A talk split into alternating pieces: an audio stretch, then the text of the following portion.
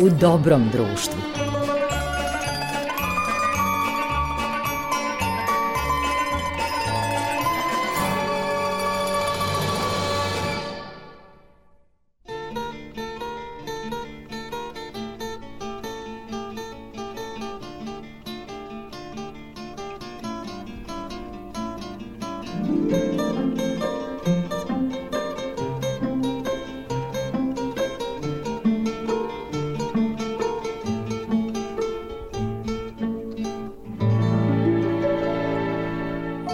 Slušaoci, dobrodošli u novo izdanje emisije u dobrom društvu na talasima prvog programa radija, radio televizije Vojvodine. Ovu emisiju tonski obličava kao i uvek Marica Jung, a vaš domaćin, urednik emisije je i ovoga puta Goran Vukčević. I naravno, naše dobro društvo ne bi bilo kompletno kad ne bismo imali ključnu ličnost ovog izdanja, a to je ovoga puta jedna sjajna gošća.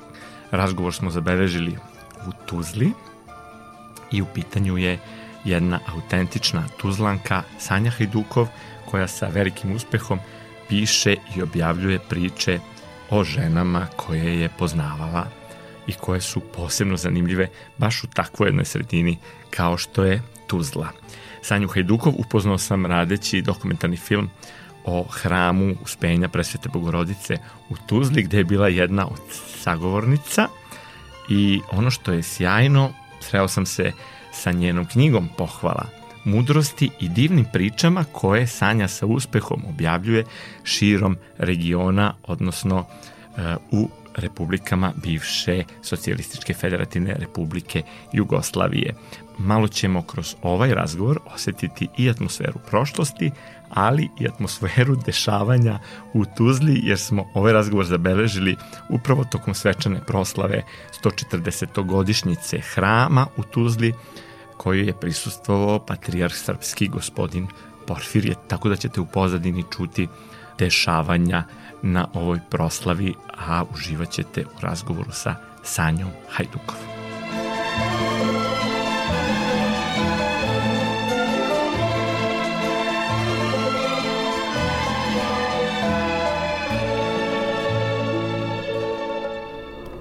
Imam zaista zadovoljstvo da razgovaram sa Sanjom Hajdukov, koju sam upoznao baš ovde u Tuzli. Uopšte ta divna je priča ovaj, sa Tuzlom koja mi se dogodila u životu.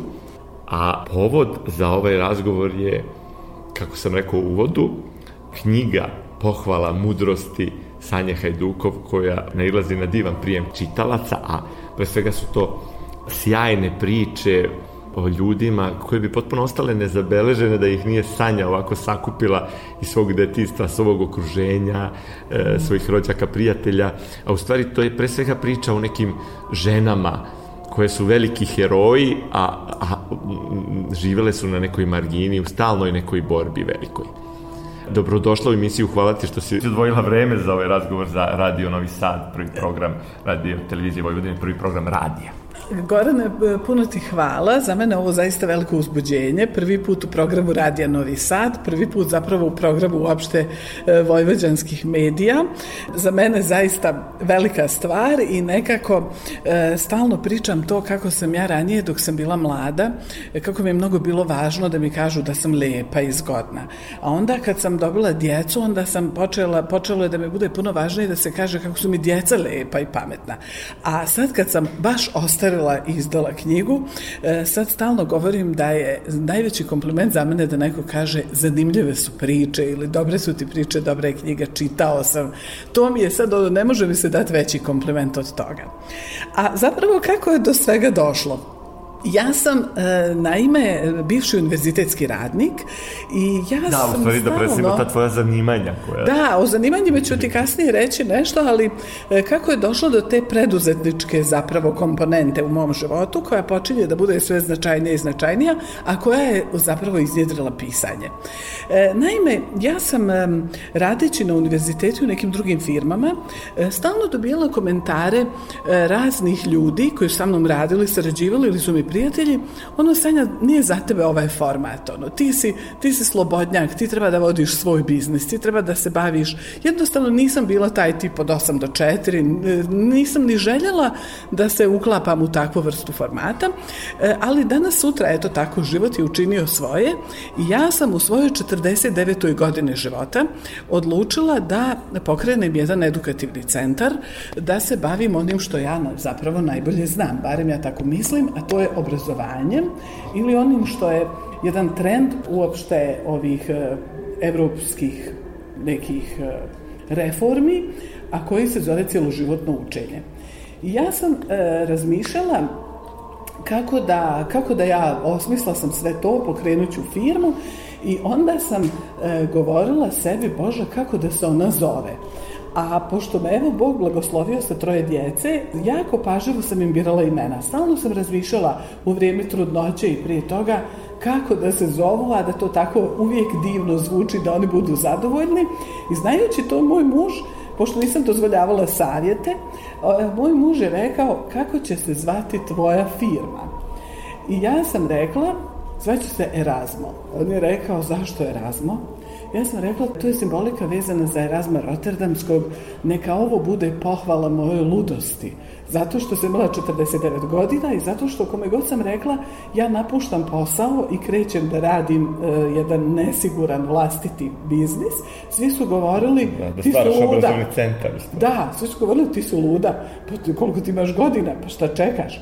Takođe sam se porodila za 40 godina, iste sam komentare dobila tada, ono, pa kasno je, pa, pa šta si do sad čekala, pa nisi treba, pa šta će ti treće dijete? I e, to mi je jako nekako stvaralo neku E, mislim, bilo mi to i simpatično i stvaralo mi neku iritaciju. A ljudi uvijek imaju ideju, u stvari, o našem životu, da. a, a niko nije ni u čijoj koži. Ja sam od uvijek imala taj nekako, da kažem, problem, možda to nije ni problem, da ljudi žele da ne uklope u neki kalup. okvir, kalup koji oni pred, predviđaju da je za mene dobar. O tome sam i pisala. A, a ne da li ćeš se ti u tome dobro osjećati? Apsolutno ne. Ono kao šta će ti troje djece, pa ti imaš 40 godina.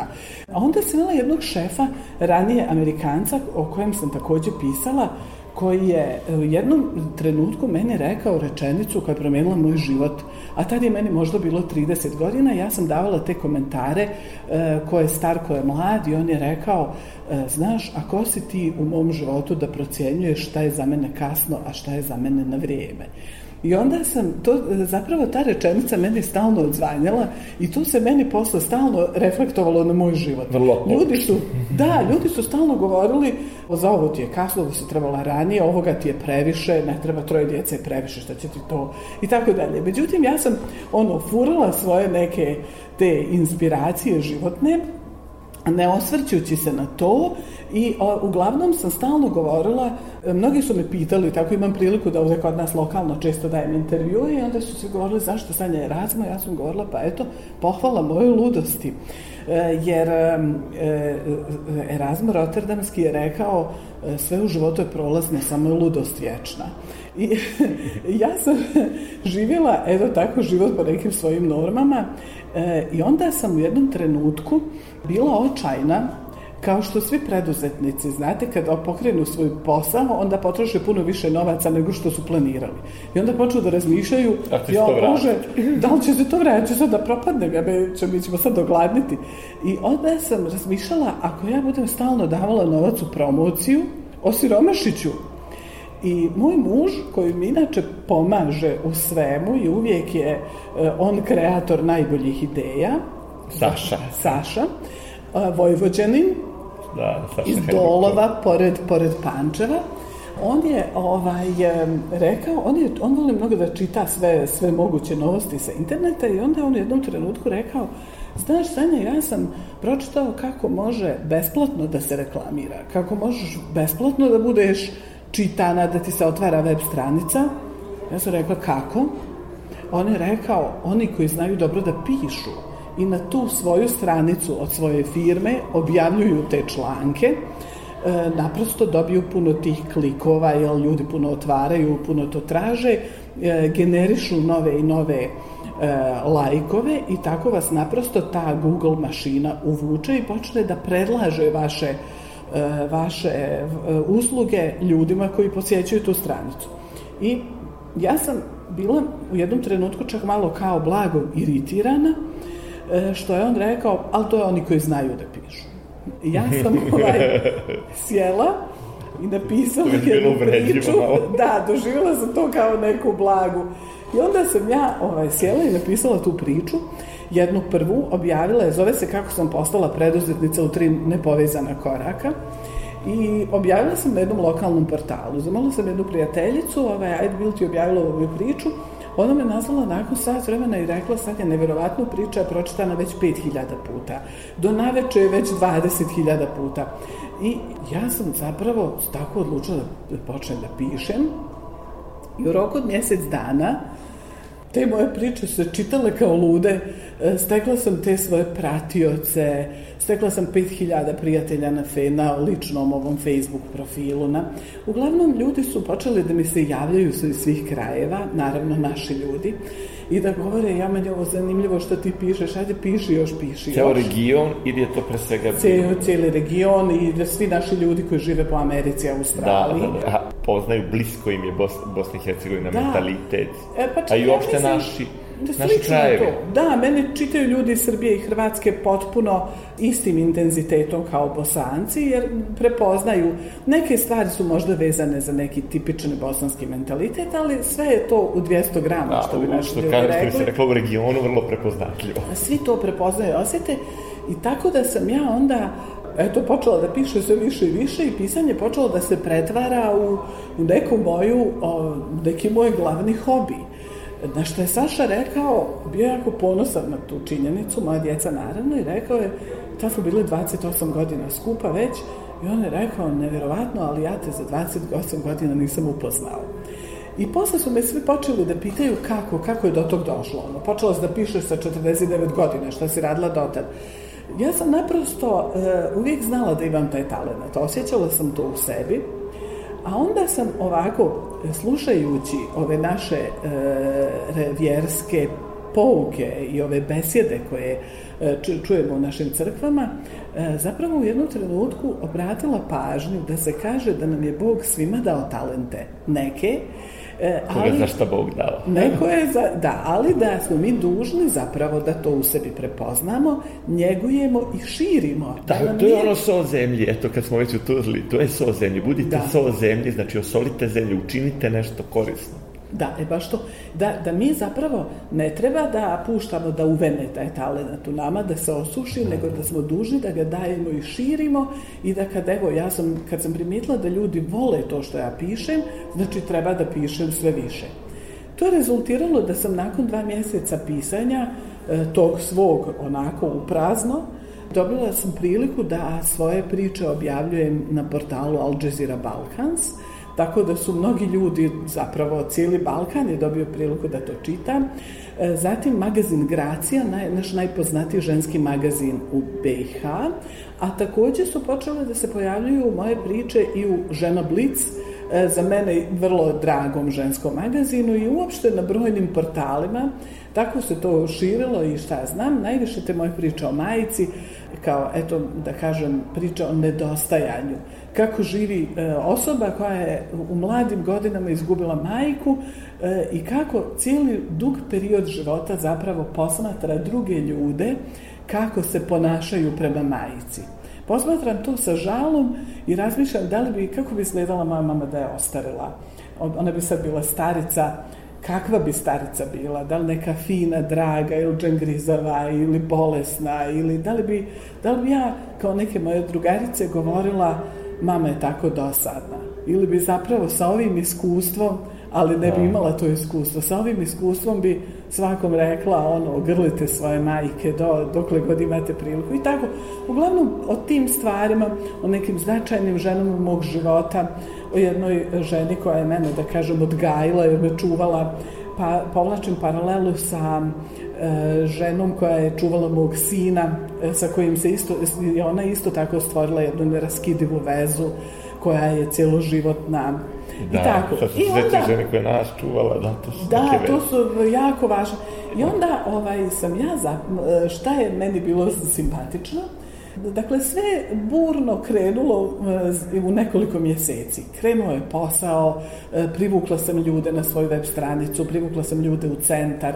Sve počelo divno da se razvija i onda su me nastavili da pitaju drugi. A zašto se Sanja tvoja firma zove Erasmo?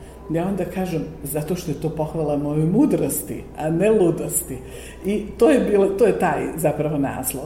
E, Sanja, možemo da zastanemo na trenutak? E, eto, odaberi, u Tuzli smo, ovaj, odaberi ti pesmu koju ćemo čuti. A može li ne klepeći na nulama? Može, zato što je Neža Calković iz Tuzle. Da, zato što je to e, pjesma koju ja volim da, da slušam onda kad dobijem taj žal za majkom. A uklapa se u našu priču. I to je naš tuzlanski princ Sevdaha. Da slušamo onda ne klepeći na nulama, pa ćemo da nastavimo razgovor.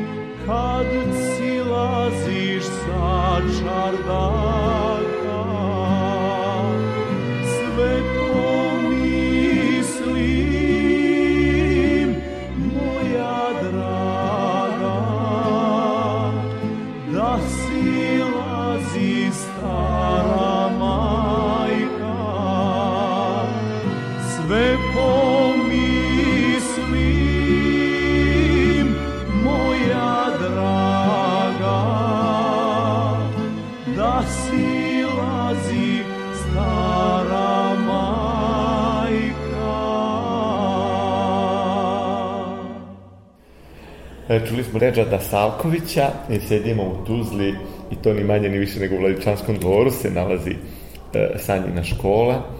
naša gošća Sanja Hajdukov, mogu reći sada i poznata spisateljica u regionu. Sad.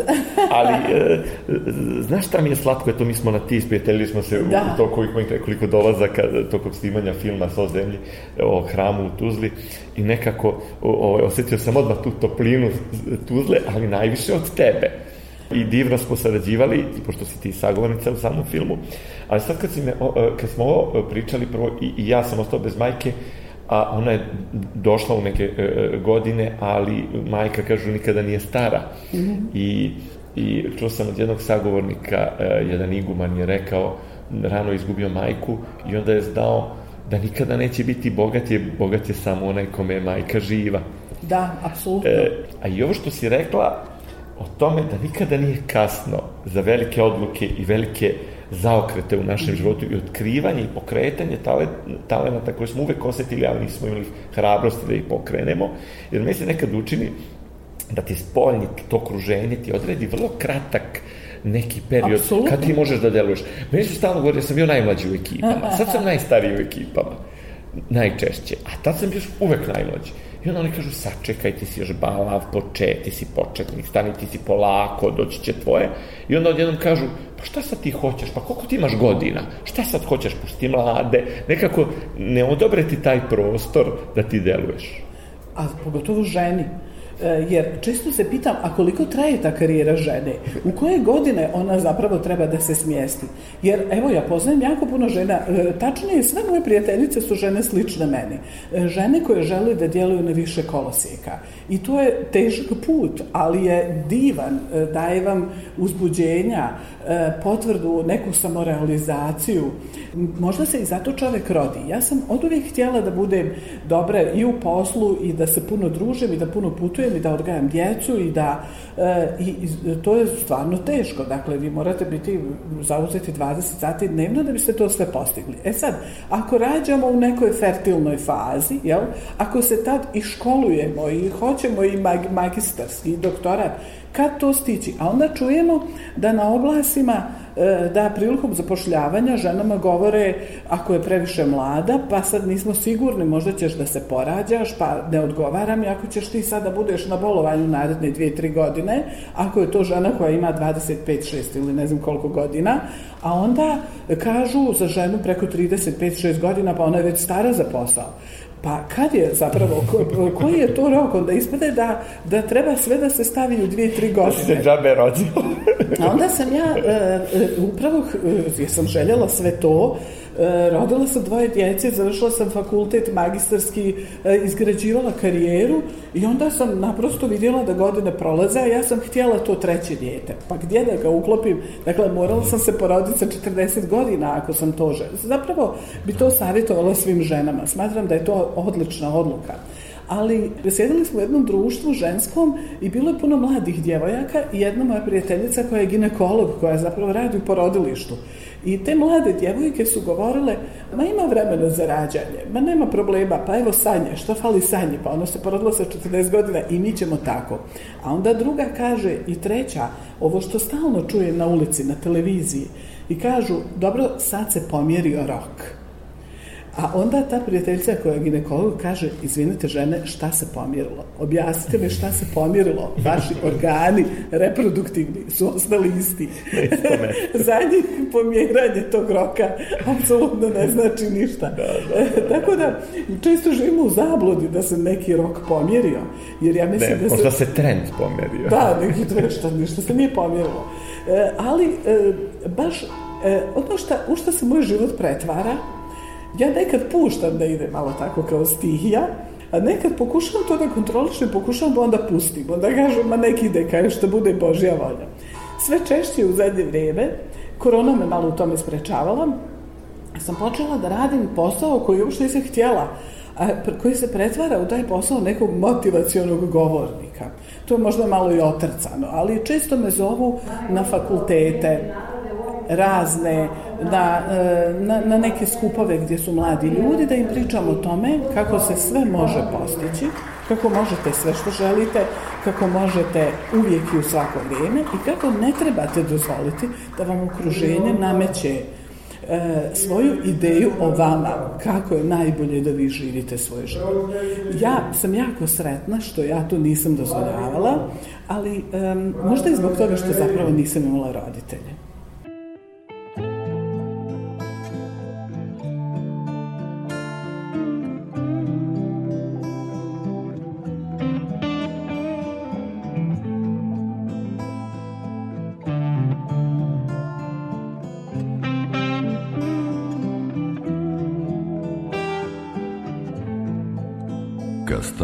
Kraju. Još vozi ista linija. Autobus prazan. Anđeo zadnja platforma. Ničeg se više. Ničeg se više ne sećam od toga trena. U javu redko navraćam Zato ćuti šta će reći Kada oči govore Mene tvoje samo tusne Uvek lako prevare. Ili reci da me voliš Slatko najslađe što znaš. Ili priznaj da je ljubav iza nas.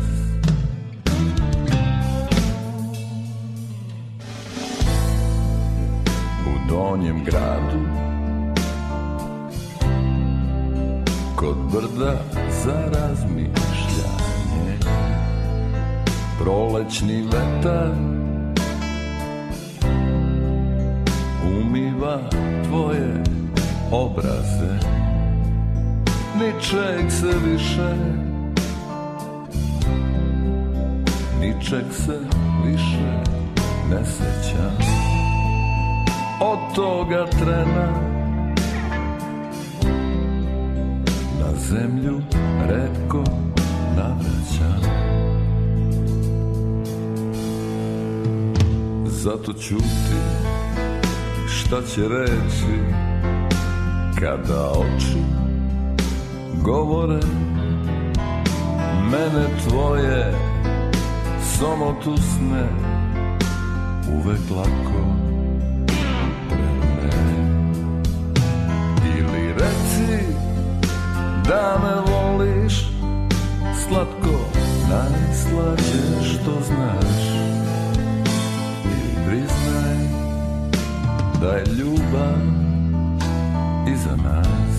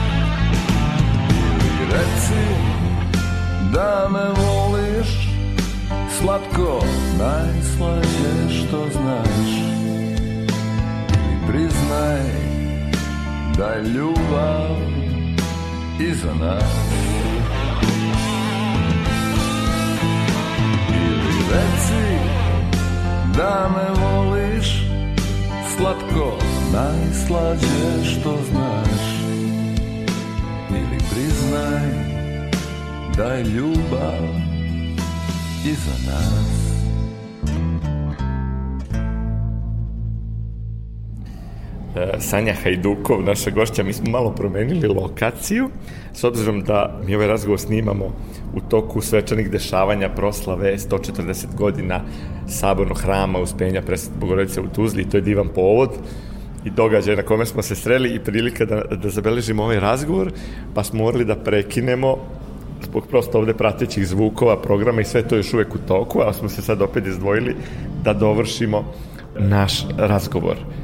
Sanja, da nastavimo gde smo stali, dakle, u životu treba da uvek budemo spremni za izazove, da sačuvamo duhovnu radoznalost i da nikada nije kasno za neke stvari koje smo osjećali da možemo. Da, e, zaista veliki dan danas za mene, Gorane.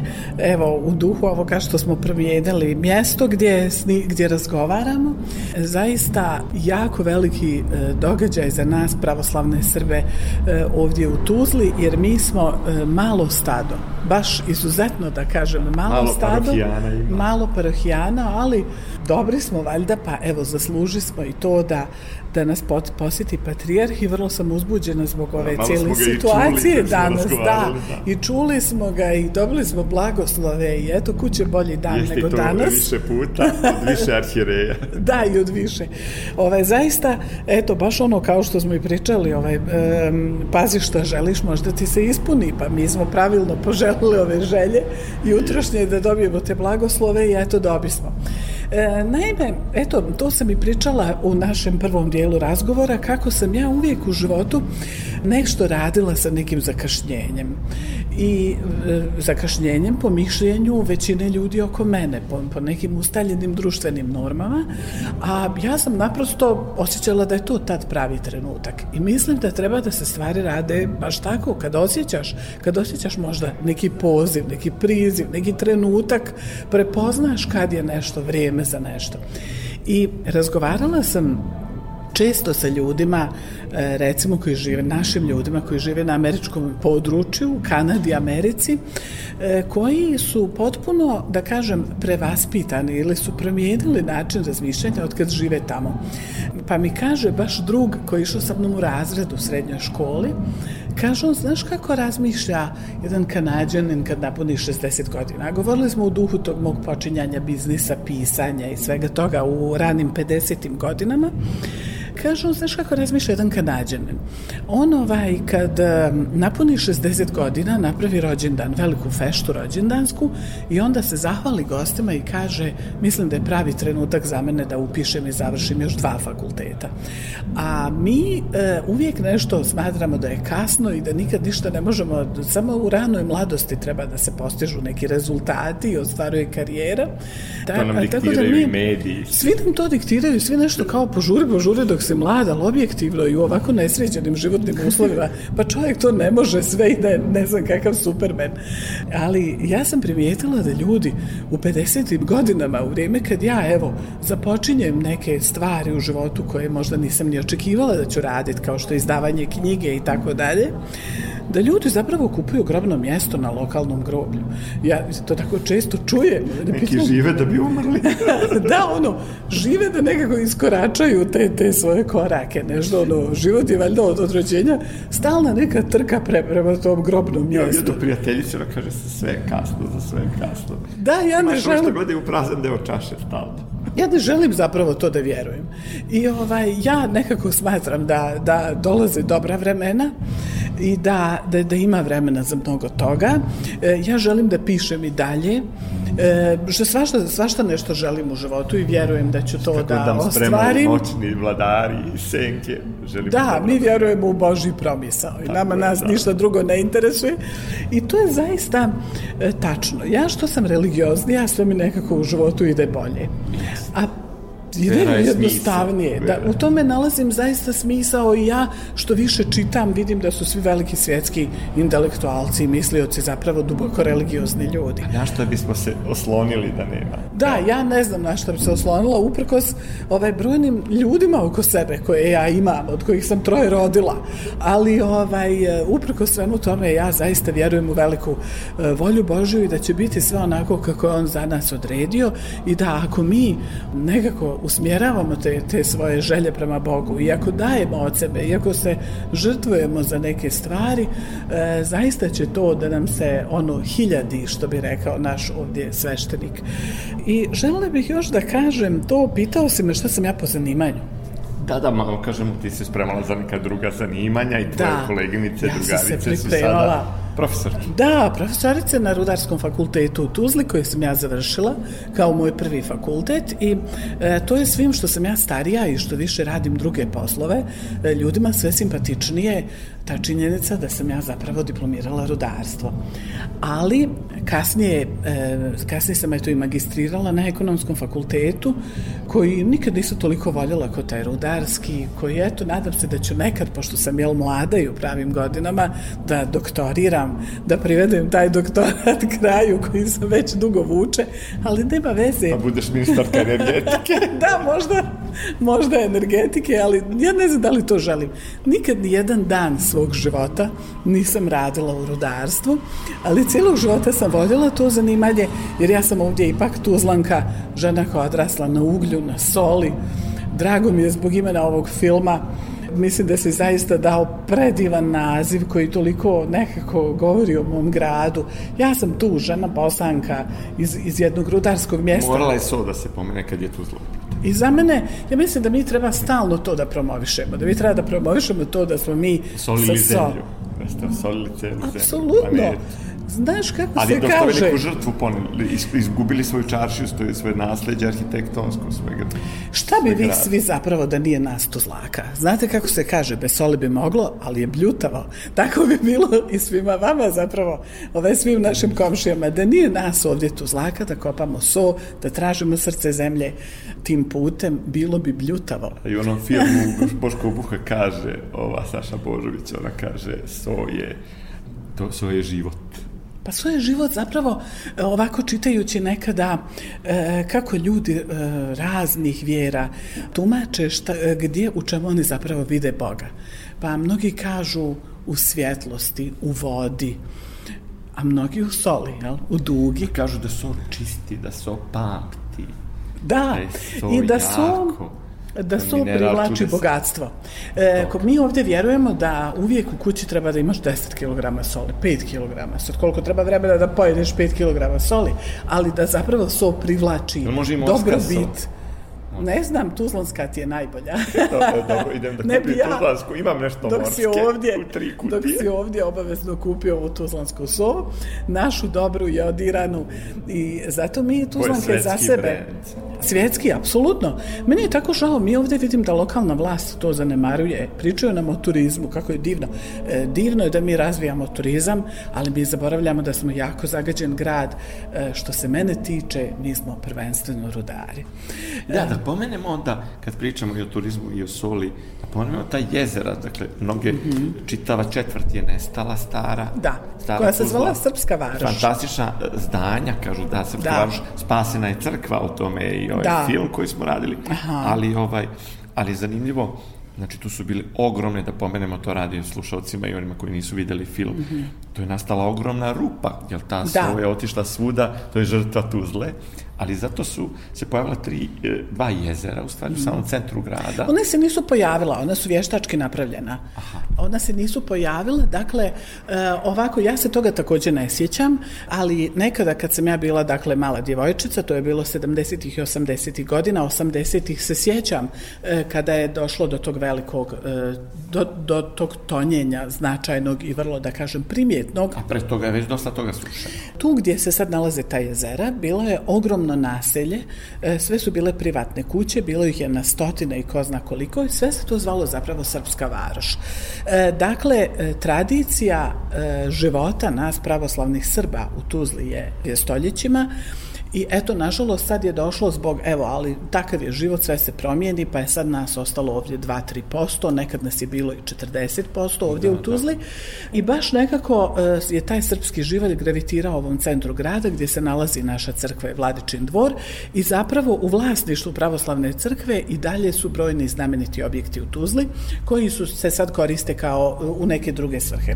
E, vremenom zbog eksploatacije soli i te slane vode koja se također takođe tu ovaj, nalazi u centru grada, došlo je do sleganja tla, jer je voda i soj eksploatisana, e, tlo se slegalo i prijetila je velika opasnost da će sve to da se uruši, da će i ti, te kuće e, koje su se nalazile u samom epicentru sleganja počinjale su vremenom da se e, ruše, naginju i onda je osnovana jedna firma, zaboravila sam kako se ona tačno zove, Tonjenje ili tako nešto, koja je gradila zgrade, ove sad kako je već u socijalizmu ovaj, se dešavala ta gradnja velikih zgrada ne bude stambenih objekata gdje su ti ljudi zapravo dobili stanove u zamjenu za svoju privatnu imovinu koju su tu napuštali. Da ruši, da. Jer, jer je to bilo opasno tu da se živi i na kraju vremenom je to ostalo potpuno pusto i to je dugo vremena godinama e, sve do evo do, do, dok se nisu napravila ta jezera zapravo bila jedna šikara, jedna močvara u samom centru grada. U samom centru grada. I onda se došlo na tu ideju da se naprave slana jezera jer ta voda i dalje tu izvire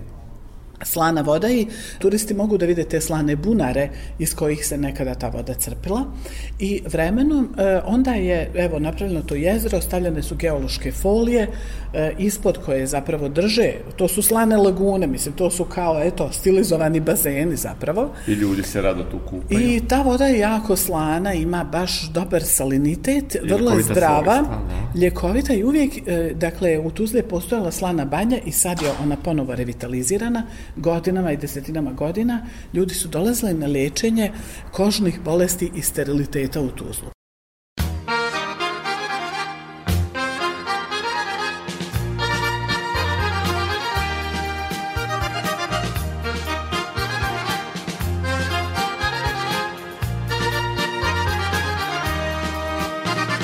Ja znam da volim i da ljubim Ja znam da pevam i da snevam Jer ti i ja Dva smo sveta različita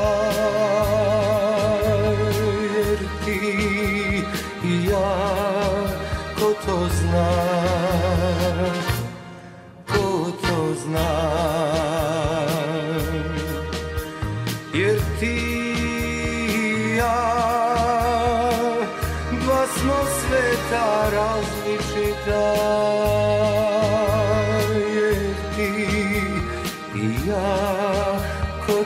zna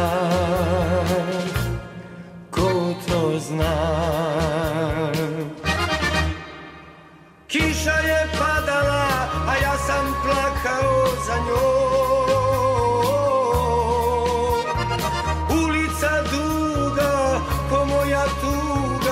ostaće u gradu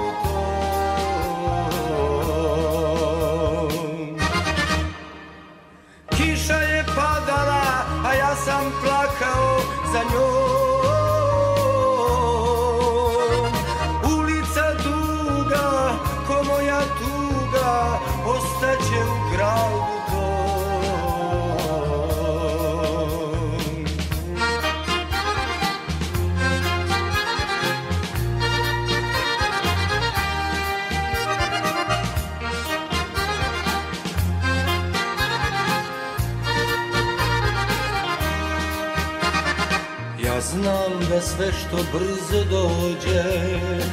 Ja znam da sve i brzo prođe Jer ti i ja Dva smo sveta različita Jer ti i ja Ko to zna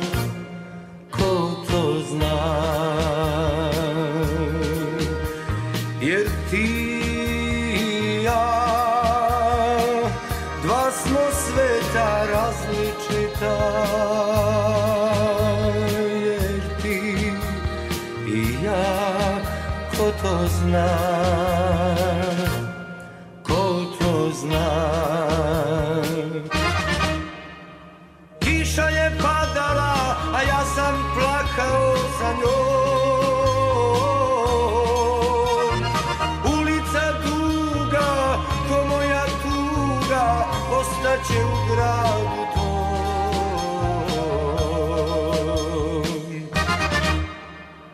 Kiša je padala, a ja sam plakao za njom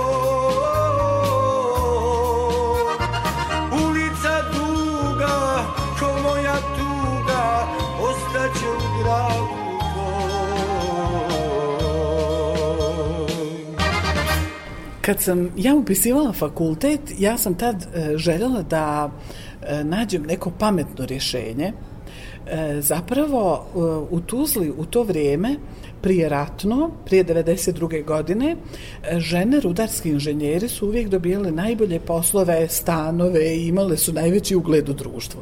Ja sam evo posegnula za tim, kako da kažem, pragmatičnim rješenjem, upisala rudarski fakultet koji sam zapravo uvijek voljela, jer ja sam odrasla pored rudnika Soli, Otud e, mi je i drago zbog te simbolike vezane za svoj zemlju i ja sam naprosto smatrala da je najprirodnije postati inženjer rudarstva.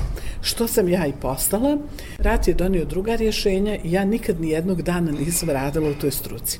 Kasnije sam se okrenula nekim drugim obrazovanja, nekom drugom obrazovanju, nekoj drugim pravcima nauke, radila sam neke druge stvari i sve me to učinilo srećnom, ali često me to pitaju otkud rudarstvo. Zapravo, od uvijek sam smatrala da je to bila za mene najbolja odluka i bez obzira na to što nikad nisam radila to u praksi, ponovo bi izabrala takvu struku, jer ono što ja, vratit ću se na ono što smo pričale Gorane, da često imam priliku da radim i motivišem mlade ljude, da kažem da ništa ne smije da bude prepreka, ni godine, ni vrijeme, ni neki neuspjeh, ni neko neočeki, neki neočekivani razvoj događaja. Naprosto, ako čvrsto vjeruješ u nešto, kao što mi vjerujemo u Hrista, ti imaš moć da pomjeriš planinu. Mi rudari znamo i kako se to radi. da, divno. da. da, to sad ono što Dučić isto pominje, da ovaj nemamo satove, ne bismo ni znali ko, koliko ima godina. Tačno. Tačno. Tako da ja, evo, u duši sam ostala nekako zauvijek rudar. E, malo I zauvijek mlada. pa sad, da li se koliko sam mlada, to ne znam, ali možda sam uspjela da sačuvam neki duh. vedri duh u sebi. I, i duhovno e, radoznalo zauvijek i tu baš duhovno radoznalost i presretna sam što sam, na primjer, sa 52 godine života istrčala polumaraton, 21 km. E, mislim da je zapravo bukvalno, granica... ovako simbolično.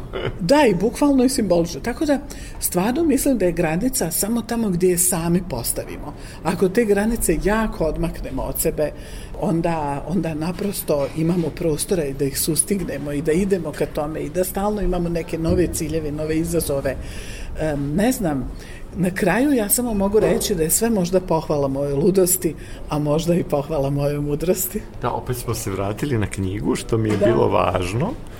E, da li se, se sretneš s nekom ljunakinjom tvojih priča? Ne srećem se gotovo ni sa jednom vezano za pohvalu mudrosti, zbog toga što se radi o ženama koje su pokojne. E, sve one su živjele e, tako 70-ih, 80-ih godina. E, Fatma o kojoj pišem, žena neverovatne energije, žena koja je u velikom siromaštvu prihvatila da pored svoje dvoje djece koji nisu imali oca, odgaj i troje bratove djece. I podigne kuću, da, da ona i ta mala nejaka dječica zapravo naprave kuću koja još uvijek postoji u Zvorniku, u kojoj sam ja bila. Da, nije kukala, nije roptala, nije govorila zašto je mene ovakva sudbina snašla, nego se naprosto, naprosto je prihvatala tu svoju životnu sudbinu, a i često sam i sama dolazila u situacije da nekad, eto, preživljavajući rat ili tako neke stvari, da razmišljam da mi je teško A onda sam shvatila, evo na primjer, imala sam troje djece kad sam upisala magistarski pa doktorski studij, pa mnogi su govorili pa kako ćeš ti to sve stići, pritom sam radila i uvijek sam radila čak i honorarne poslove e, koji su eto bili bolje plaćeni.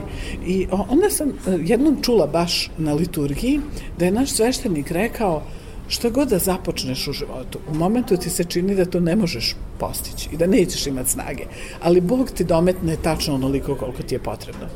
Za mene je to bilo rješenje svih mojih problema u životu i bezbroj puta sam to shvatila i okušala i probala da kad god čovek malo, evo, zagrize veći zalogaj, malo napravi neki veći iskorak, naprosto, e, naprosto će Bog to vidjeti i dati taman toliko snage koliko je potrebno da se takav teret iznese. Tako da, evo, to je, e, to je što se tiče mojih junakinja, ali ono što želim da ti kažem, evo, imam namjeru da apliciram kod Fondacije za izdavaštvo za sredstva, e, ne bi odštampala novu knjigu Koju si već napisala? Koju nisam napisala, napisala sam samo e, dio, a naime na, e, pišem priče o izuzetnim ženama Bosne i Hercegovine i napisala sam 12 takvih priča. E, sve one su objavljene, neke u ženi Blic, neke, a, a sve u magazinu Gracija i imam sigurno još 20-30 takvih žena koje poznajem, koje su imale izuzetne životne sudbine. Te sve žene su žive, one su ovaj, ono, junakinja našeg doba, ja s njima komuniciram, Evo jedna od njih je supruga ovog e, našeg Igora sa kojim smo sad proveli vrijeme, koji je ovaj iz jevrejske zajednice. Različite su to žene, upravo jedna koja nije roptala, koju je muž, ona imala nikakvo obrazovanje i ostavio je muža, imali su troje male djece, on je ostavio otišao sa drugom ženom. Ona umjesto da da, da jadikuje na tom svojom sudbinom. Da se osveti. da, da, da, da traži neka takva rješenja. Ona je počela da radi, malo pomalo stvorila jedno biznis carstvo. Ona je sad veliki poslodavac, a bavi se čišćenjem. Dakle, žena koja nema školu. Ona je počela da čisti drugarici, komšinici sad i na kraju... Sad je postala, me, ona sad ima dvije svoje firme e, i zapošljava nekoliko ljudi koji takođe čiste. Dakle, postala apsolutni guru čišćenja. E, žena koja kaže ja sam rano shvatila da, da je novac vrlo vrtskav i on ne voli da ga, vi njega kad držite u džepu i ne trošite i ne ulažete, onda on počne da Stvara vene problem. i Da. da sta, on jednostavno poč- počne da bude nezadovoljan. A kad mu dajete zrak, onda on stalno voli da se vrti kao čigra. I tako ona to razumjela i počela da ulaže u mašine, u nove posle, u nove poslovne prostore. Dakle, žene takve izuzetnosti. Djevojka koja je u saobraćaju nesreći izgubila ruku, tako da nema, potpuno nema desnu ruku iz ramena, ali je e, nastavila da svira klavir i svira ga jednako dobro jednom rukom kao što je to nekad činila sa dvije ruke. Pa je Tako da, e, ja zapravo, evo, to je moj najnoviji poduhvat. Želim da objavim novu knjigu, ne znam kako će se zvati, možda pohvala uspjehu o tim ženama. Dakle, ne, e, te, te protagonistkinje su sve žive i sa njima sam ja stalno u kontaktu i većina ih je mlađa od mene zapravo. A ove koje sam opisala u pohvali mudrosti su žene koje su već odavno pokojne, ali čije sudbine su e, jako uticale na mene, o, o kojima sam puno razmišljala, o tome kolika je ženska snaga, kako je neiscrpna ženska snaga. Eto, A koja tebi e, priča posebno draga?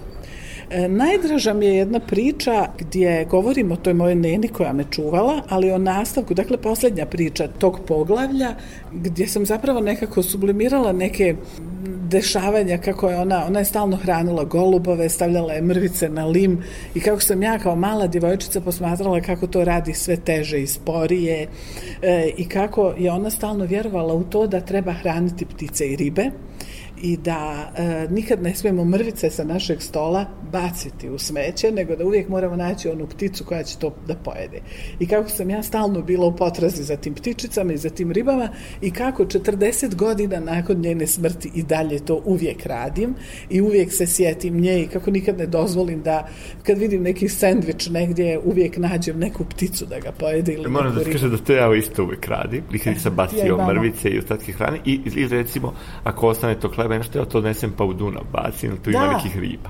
Mi nemamo rijeku u Tuzli, ali eto imamo, imamo neku nazovemo rijeku. To takođe isto uvijek radim, ali puno, puno više pticama. I ovaj, kako je ta e, moja nena, e, često meni za neke moje sitne uspjehe ili nešto što se njoj sviđalo govorila bravo golubice moja. Kako ja možda u nedostatku roditelja, zbog toga što sam mlada ostala, eto se 28 godina bez roditelja, često poželim da mi neko nešto čestita. Pa onda kad, kad mi to nedostaje u životu, a ja onda samo i sebi stanem ispred ogledala i kažem bravo golubice Nenina i to je ovaj eh, zapravo i zaključak tog poglavlja. Došli smo do kraja emisije. Da, Ali ovaj, e, evo, ka šta bi Ima da muzičku čujem? želju. E to, za kraj. Ima da kažem. muzičku želju. Kad mi je rekla jedna žena, mislim jedna novinarka iz Sarajeva, ajde u jednoj riječi reci koja je to riječ koja obilježava sve priče u tvojoj knjizi. Ja sam morala da razmislim na trenutak i onda sam rekla da je to, pri, da je to riječ nedostajanje. Mnogo toga e, sam tu opisala šta je meni nedostajalo i šta mi nedostaje kroz cijeli život, vjerovatno svim ljudima, pa bih željela da pustimo sad pjesmu Nedostaješ od Dine Merlina. Tužno sam ti će što mehkim kljunom kljucao kamen tražeći vodu baš koji ljudi tako i ptice najdraže traže onda kad odu. Stikari tamo osjećaj riječ Zar je tako brzo prošlo već? Zar je tako brzo prošlo već Znam je dobro gdje si kad i s kim Znam da duša sama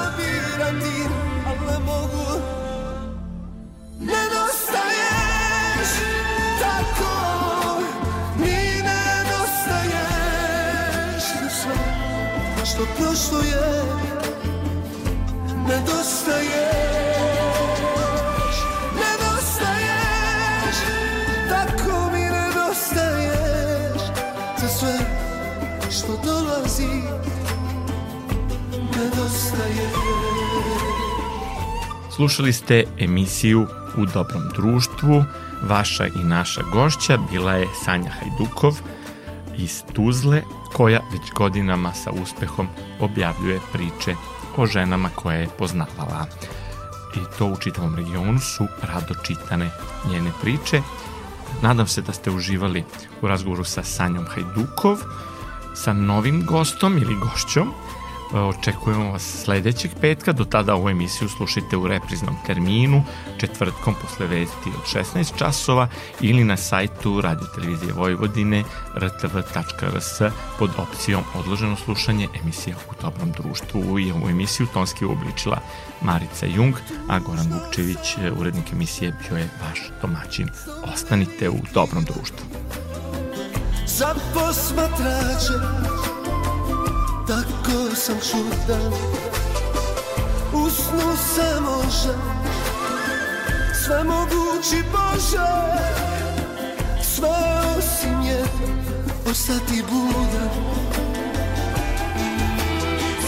Stikari tamo osjećaj riječ. Zar je tako brzo prošlo već? Zar je tako